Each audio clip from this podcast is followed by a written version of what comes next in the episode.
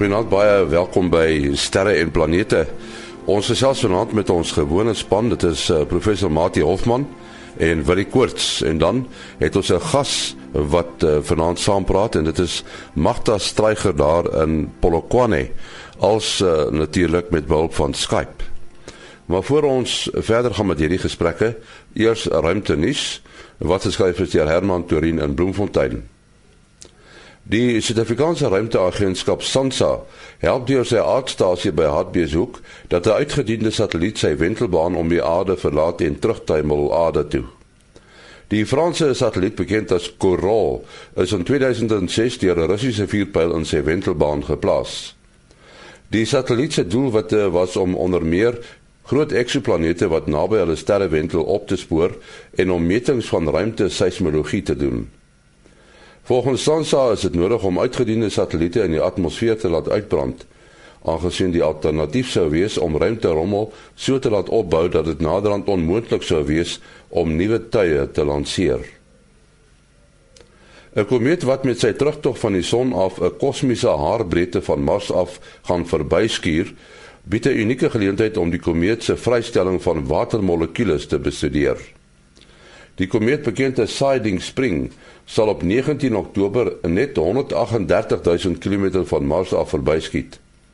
Dit is 16 keer nader aan die planeet as die naaste in mense jeugenis wat 'n komeet nog aan die aarde verbygeskier het. Siding Spring sal so na aan Mars verby beweeg dat die gasse in sy ster met die atmosfeer van Mars in kontak sal kom. Toe Siding Spring teen die einde van Mei met sy intog na die son by Mars verbygevlieg het, het veral 'n satelliet wat om Mars wentel, SWIFT waarnemings van die komeet gedoen. Die komeet was toe so na aan die son dat waterdamp die hoofbestanddeel was van die gasse wat weens die sonverhitting losgekom het en in die ster saamgesleep is. Daar is bereken dat genoeg water so losgekom het dat dit 'n swembad van Olimpiese grootte binne 16 uur sal laat volloop. Dit het wetenskaplikes ook in staat gestel om die komeet se grootte meer akkuraat te bepaal en dit is op so wat 700 meter in deursnee bereken. Dis 'n kleinerige komeet. Die magnetiese noordpool beweeg in die rigting van Siberië terwyl die aarde se magneetveld oor die algemeen geleidelik swakker word, blyk uit die opnames van spesiale satelliete wat deur die Europese Ruimteagentskap bekend as SWARM die afgelope 6 maande gedoen is. Die beelde toon egter ook dat die magneetveld oor die suidelike Atlantiese Oseaan versterk word. Tot sover ruimte nuus wat geskryf is deur Herman Turin in Bloemfontein. En nou is dit tyd om te gesels met ons eh, sonkyk-man Kobus Olkers in Florida, Amerika. Kobus, uh, die son, wat maak hy? Goeienaand Henny en goeienaand luisteraars. Die son is redelik stil hierdie week. Die aktiewe area wat ons verlede week gehad het, het nou agter die son ingeroteer. Ehm um, ons het net 'n paar baie klein uh magnetiese komplekse areas aan die voorkant van die son waarvan net twee dalk 'n potensiaal het om uh, uh enige uh vuurwerke te maak, maar ek dink die die kans daarvoor is maar hier by die 10 na 20% toe. Ehm um, dan het ons die enigste ding wat ons regtig het op die wat ons kan sien op die oomblik op die voorkant van die son is 'n kleinerige koronagat amper op die ewenaar net so van die ewenaar af na die suidekant van die son toe. Uh ons het ons het reeds binne in sy uh hoë hoë spoed sonwindstroom ingegaan, maar hy sê ek sê is baie klein en al die enigste persone wat uh deur hom beïnvloed kan word is ons uh, amateur en ons langafstand radio ge gebruikers. Dan het ons lyk my 'n redelike aktiewe area wat waarskynlik later in die week ehm um, op die horison van die son gaan verskyn aan ons kant van die in die aarde se kant van die son. En ons nog op die oomblik op hierdie stadium agter die agter die horison. Ehm um, en ons kan hier so teer van donderdag se koers af dalk weer 'n bietjie verwikkelinge uh kry. Goedkoop is jou besonderhede? Dit is uh kobusolkers by gmail.com. K O B U S O L C K E R S by gmail.com. Nou sê ons sê baie dankie aan Kobus Olkers. Hy is daar in die orkaanwêreld. Uh, dit is in Florida, Amerika. Ons sê ook goeienaand uh, weer aan uh, professor Mati Hofman van die Boden Sterrewag, die digitale planetarium en natuurlik die Universiteit van die Vrystaat. Ook vir Willie Koorts van die SAAO en uh, aan die ander kant van die land het ons vir Magda Straai gedag met Polokwane. Ons uh, het al in die verlede met Magda gepraat en toe het ons met haar gepraat oor een van haar liefhebberye. Dis nie kos kook nie, dis sterre kyk, maar asterismes. En ons gaan net so 'n bietjie bietjie verder praat daaroor, maar ek was sommer met die deur in die huis val Magda. Uh, ons het nou 'n hele ruk gelede met jou gepraat. Uh, en ek dink as ou nou aand vir aand na sterre en goed kyk en na na uh sterrestelsels soek en so voort. Uh, kom jy op een af wat vir jou eintlik 'n wow is. Wat wat het jou beïndruk uh, in die tydjie wat ons laas met jou gepraat het? Uh eerstens uh, goeienaand julle almal. Uh weet jy Henny, dit is vir my nogal baie ehm uh, insiggewend om om in die ruim in te kyk. Met ander woorde, jy sien soveel meer van die ruim as wat jy met jou blote oog kan sien. En natuurlik as jy na 'n sterrestelsel kyk wat net 'n ou dowwe kolletjie is, dan besef 'n mens absoluut ehm uh, breed die hemelruim is en natuurlik dan die hoeveelheid sterre wat dan in jou uh, veld gesien kan word en dit is waar ek hierdie snaakse sterstringetjies wat verskillende forme aanneem sien wat interessant is. Dis nou die asterismes wat jy van praat. Dit is dit. Ehm um, ja, ons noem dit maar eintlik sterstringetjies half want dit is maar eintlik groeperingkies van sterre wat in ons lyn van sig helder uitstaan, maar wat nie noodwendig verbonde is aan mekaar of gravitasiegewys verbonde is aan mekaar nie. Ja, my waarheid is hulle kan 'n hele afstand van jy weet van ons af wees uh, alhoewel hulle gegroepeer lyk, nê. Nee. Ja, dis reg. Maar die mees fantastiese forme en so aan kan gesien word in stergroeperingkies en die ruim is absoluut vol daarvan as jy nou deur 'n redelike teleskoop uh, en selfs deur 'n verkyker in die Melkweg inkyk. Jy praat nou van 'n teleskoop. Uh, jy het self 'n 12 duim. Uh, kan 'n mens hom byvoorbeeld met 'n 8 duim sien? Hierdie soort van uh, formasies? O ja, gewis, gewis. Veral as jy in die sterrebeeld Carina en natuurlik Centaurus en in die Melkweg, so Sagittarius en daai tipe sterrebeelde inkyk, dan sien jy ongelooflik baie. Jy kan tot self ster uh, helder sterbondeltjies wat wel genommer is, kan jy ook waarneem deur 'n verkyker veral. Wel, wat vir my nou interessant is, uh, jy weet ek het nou al na Omega Centauri gekyk met die teleskoop en met 'n verkyker, maar dit is asof hy met die verkyker vir my meer indrukwekkend is. Uh is dit omdat die uh teleskoop hom te veel vergroot? Ja, mens kry nog al 'n effek uh wat presies wat jy daar beskryf as jy nie genoeg swart lig rondom 'n 'n voorwerp het nie. Vir alle groot voorwerp soos Omega Centauri, ek meen Omega Centauri is amper uh, begin al hier hier na na omtrent die helfte van die volmaan se grootte in die in die naghemel. Uh, vir alles jy 'n lekker groot teleskoop het en jy kan hy dowwe dowwe sterretjies almal bymekaar bring. So ehm um, dit dan kry jy natuurlik die geval dat dat deur 'n verkyker uh sien jy sien jy dit baie makliker as as as 'n 'n sterretjie wat uitstaan teenoor sy bure wat nou net ligpuntjies is. Jy sien hier is is so 'n dowwe uit uit fokusstelsel stelseltjie.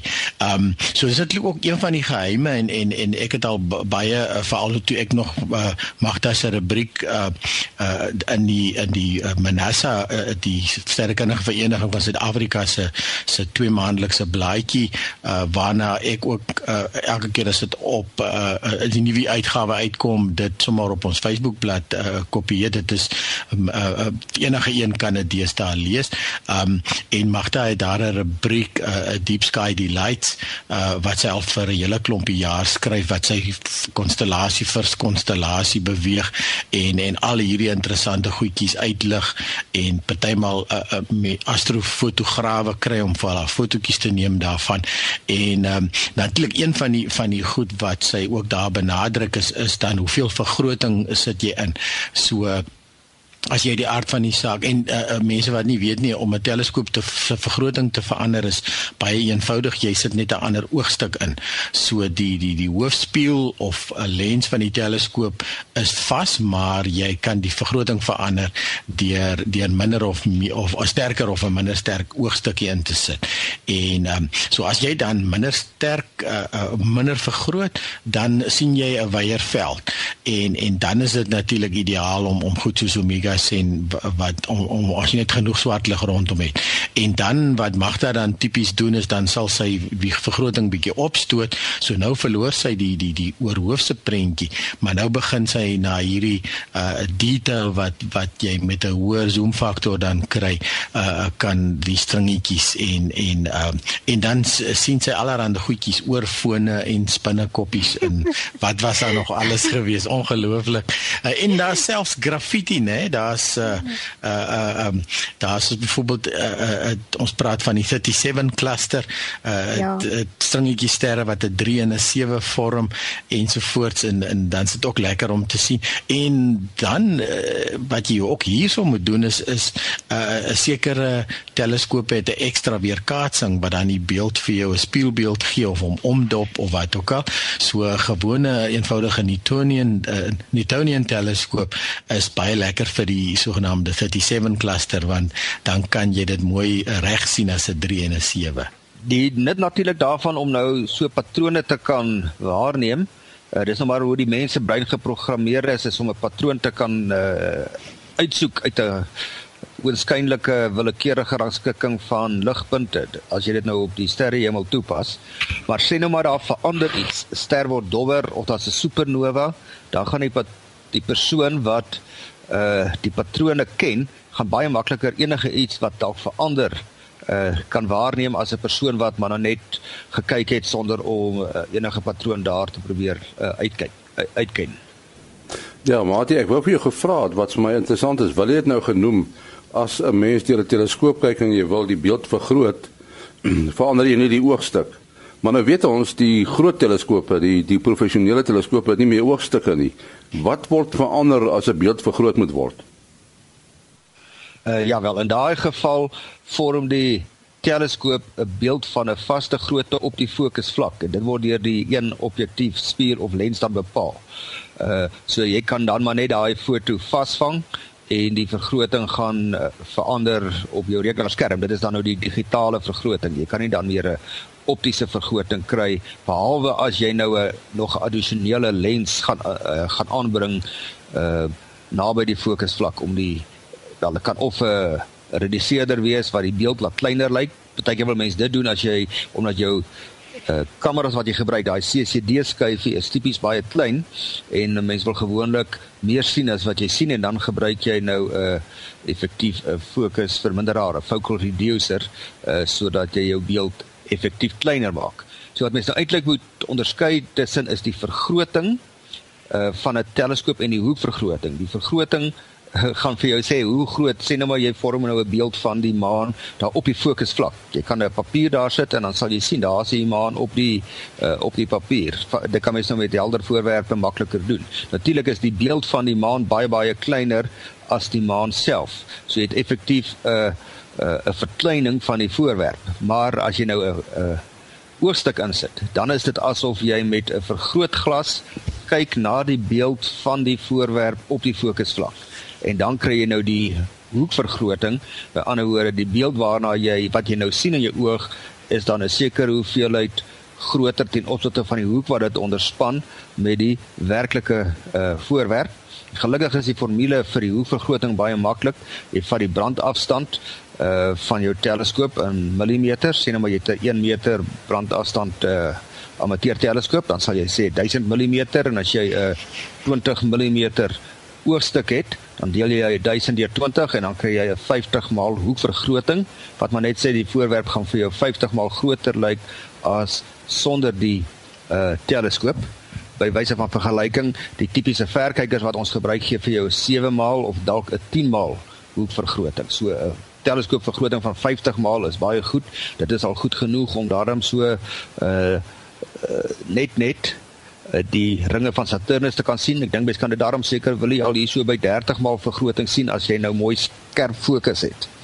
Ja, want as jy nou dink die ou Galileo teleskoop wat hulle uh, 2009 ontwikkel het vir die wat dieselfde uh soortgelyk was van wat Galileo gesien het. Uh dit het uh, 20 maal vergroot en het maar 'n lensopening gehad van omtrent seker uh, 35 40 mm en en uh, dis ongelooflik uh, nogal goeie optika jy kan net net die ringe van Saturnus met hom uitmaak.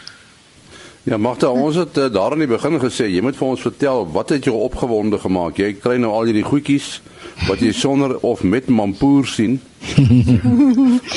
so, wat het jou opgewonde gemaak uh, sê maar die afgelope 6 maande? Uh weet jy nie wat vir my nogal baie interessant is is die dubbelsterre. Jy weet en ek het 'n spesiale oogstuk wat natuurlik vir my 'n baie groot vergroting gee en wat ook 'n uh, 'n uh, um divisies op hom het. Met ander woorde, ek kan die metings vat tussen twee dubbelsterre wat gravitasiegewys om mekaar draai. En wat vir my daar lekker is, is oor die laaste klompe jare, dit klink nou nie baie nie, maar het ek 4 sterre in die laaste 10 jaar gekry wat uh, die die uh, komponent van die sal ek nou maar sê die maatjie van die dubbelster wel verander het in helderheid of in kleur of so iets wat aandui op 'n verandering. Ja, die die dubbelsterre, uh, ek dink een van die bekende dubbelsterre, ek weet nie of daar gesê kan word baie van die sterre wat ons sien is in 'n dubbelsterre is is Alpha Centauri, nee, magtig. Dis reg, hulle is baie naby op die oomblik. Ehm uh, met my teleskoop wat ongeveer vir my so 'n uh, helderheid van 12 gee as jy nou met die blote oog sou vergelyk wat soos wat Mati gesê het omtrent 5.6 is, dan kan ek hulle net net skei van mekaar en hulle wat wil sal dalk ook weet um, hulle neem min of meer 50 jaar om om mekaar te draai. En dan sal hulle natuurlik nou weer weier uitgaan. Maar op hierdie stadium is hulle baie baie naby aan mekaar. Maar nog nog baie goed om dit te kan sien. Dit is wonderlik Uh nee, net so op ligter trant uh, die baie dubbelsterre wat Magda sien het dalk iets met daai mampoer te doen. uh maar die uh, van die dubbelsterre gepraat, dit is nou wanneer mens graag wil groot vergroting hê. Ja, dit is hoekom die uh 'n teleskoop soos wat hier nou op Nyvel Hill in Bloemfontein was, die ou Lamontasie uh teleskoop was baie lank, 12 meter uh, plus in lengte in uh, in die geval van lensteleskope of die refraktor teleskope is die lengte van die buis uh, basies direk 'n uh, aanduiding van die brandafstand. Uh so as jou buis 12 meter lank is, gaan jou brand uh, jou brandafstand ongeveer 12000 mm wees. Uh daar's 'n so klein bietjie ekstra ruimte wat jy kan kry deur jou oogstuk se montering afhangende presies waar jou lens in die uh buis sit. Uh so dit is hoekom jy dan nou uh, tradisioneel met die refraktor teleskope lang teleskope wil hê as jy 'n groot vergroting wil hê. Nou gelukkig met die moderne spieelteleskope kan jy die optiese pad opvou so die lig gaan heen en weer, so jy het 'n primêre spieël en 'n sekondêre spieël en deur 'n kombinasie van die brandafstande van die primêre en die sekondêre spieël kan jy effektief 'n baie groot brandafstand kry vir 'n groot vergroting ten spyte daarvan dat die totale lengte van jou teleskoop uh kort is. Ja, wat mag dan nou uh, gesê het maak nou eintlik vir my sin. Ek het uh, al gewonder want toe ek met amateursterrekunde uh 20 meer jaar terug begin het, kon ek baie maklik vir alfa sen skei en en uh, en deesdae is dit al hoe moeiliker. So is of die mampoen mampoer raak minder of die uh, of die twee nou nader aan mekaar gekom. So nou weet ek die mampoer weet ek ten minste het het het het nie verander nie. So dit dit moet die sterre wees. Weet jy ek kan dalk net byvoeg daar dat my werk natuurlik baie intensief hè nie? Met ander woorde ek gebruik 'n baie groot vergroot vergroting en dit is intensiewe werk. Dit is uh, byvoorbeeld nie vir 'n ou wat nie toegang tot dit tot 'n redelike groot teleskoop het nie. Ja ek dink wat jy ook veral beklemtoon is dat 'n mens moet baie geduld hê nê Ja, jy gebruik maar baie tyd en deesdae is dit baie koud in die nag. So as mens ouer word dan raak dit bietjie moeiliker, maar dit bly vir my nog steeds baie interessant om te sien die hoe dit verander. Dinge tog kan verander in die ruim al lyk dit asof alles stil staan.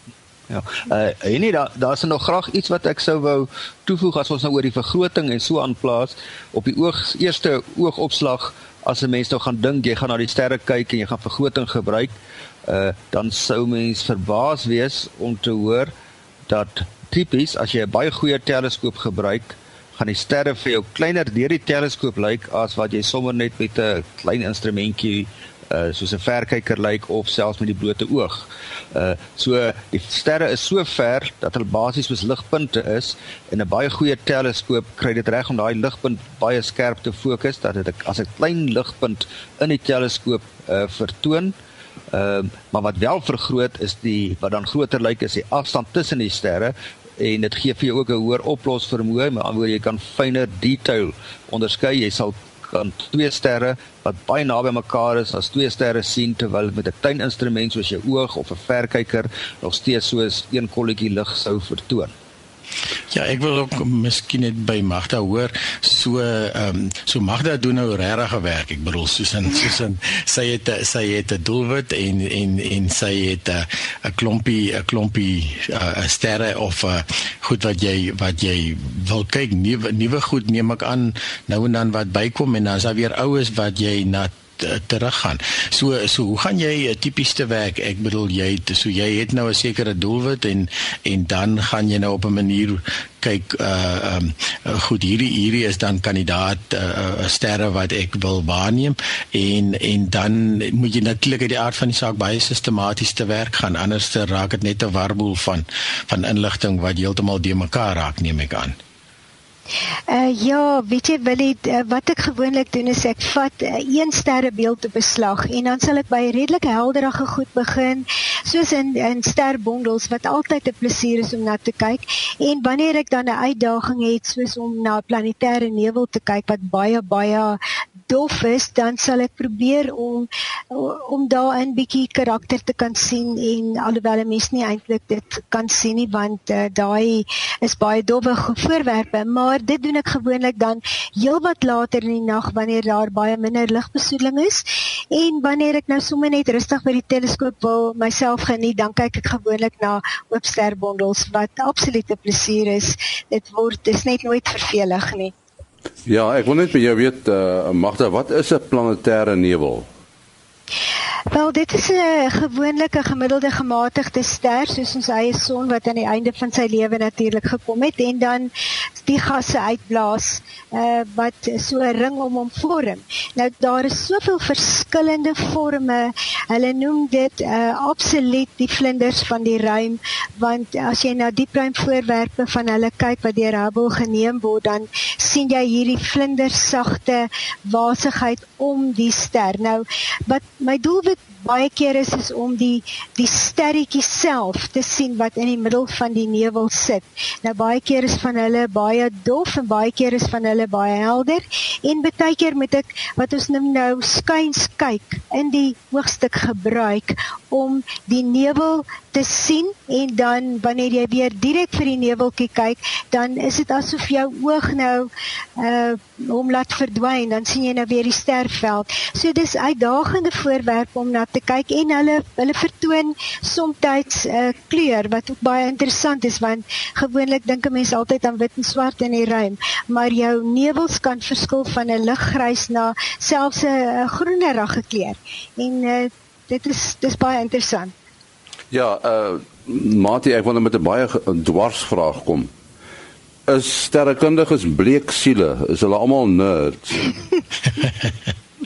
uh uh enige nee uh, bepaald nie. Hulle is tipies sou ek eerder sê avonturiers en uh mense wat nogal oor die algemeen prakties moet wees. Hulle moet planne kan maak. Ehm um, jy kry nou ja, jy kan nou sê jy het wel jou teoretiese ouens wat meer die astrofisici is, maar selfs hulle het dan by geleentheid wat hulle by die teleskope kom, maar die uh, tipiese sterrekundige sal baie tyd by teleskope spandeer en dan moet hulle maar planne maak. Hulle moet met die instrumente werk. As ek nou maar dink aan uh Willie se nuwe kollega daarso wat nou die hoof van uh, die instrumentasie afdeling daar is, uh, Dr Amanda Galbus wat van MIT afkom. Uh ek dink sy is uh, formidabel daarmee om ook instrumente te kan ont, uh, kan ontwikkel. Hulle moet nogal taaf wees en uh, mag dit nou verwys na die koue wat jy moet kan deurstaan as jy gaan waarnemings maak.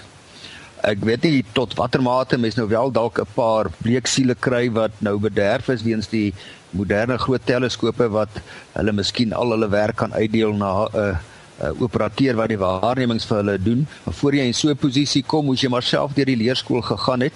Uh jy word dalk later in jou lewe belangrik genoeg dat ander ouens jou waarnemings vir jou doen. Maar vir die opleiding van 'n sterrekundige en 'n astrofisikus is dit baie belangrik om daardie werklike kontak met die instrumente en probleme op te los. Uh, anders gaan jy maar net nie meer 'n dingend wees nie. Ja, ek kan ook miskien net byvoeg in Suid-Afrika met die tegnologie en goed wat ons hierso het, uh, tipe teleskope nou wat ons in Sutherland het wat julle in Boyden het, ehm um, en uh, daar's nog nie veel meer ander ehm um, professionele sterrekundiges uh, sterrewagte in Suid-Afrika wat nou nog aan die gang is nie, maar ehm um, is dit ook tipies baie meer soort van hands-on.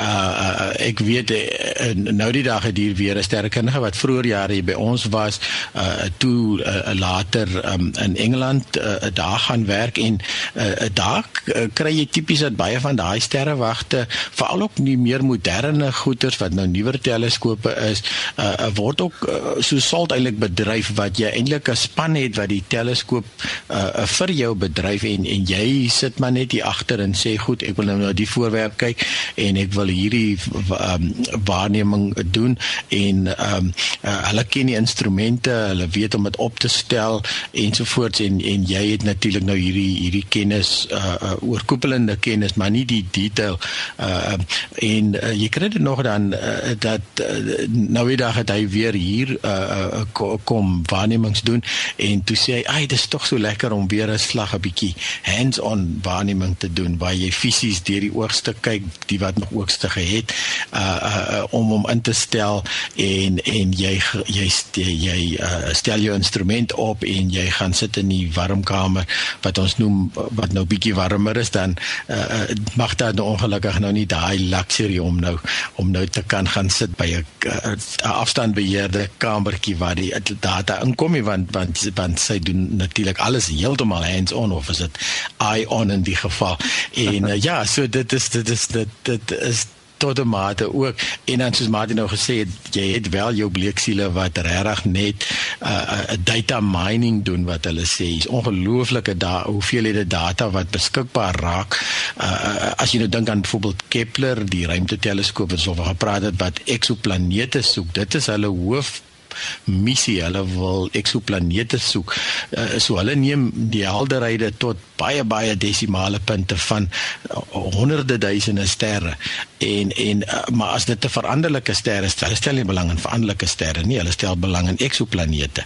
Maar as ander mense wat in veranderlike sterre belangstel en en die data is net vir hulle beskikbaar. So daar is dan natuurlik die hele spektrum ook. Ja, ons moet nog gelukkig uh, afsluit. Magda, as iemand met jou verbind word, het jy jou kontakbesonderhede? Uh my my selfoonnommer is 082 067 007. Sê hom weer. Uh 082 uh 067007 of my e-pos is uh, plain my doopnaam magdalena@mweb.co.za. Mati selfoonnommer 0836257154 0836257154 en dan Willie. 0724579208 0724579208 en my uh, besonderhede maas.henny@gmail.com maas.henny@gmail.com tot volgende week. Mooi loop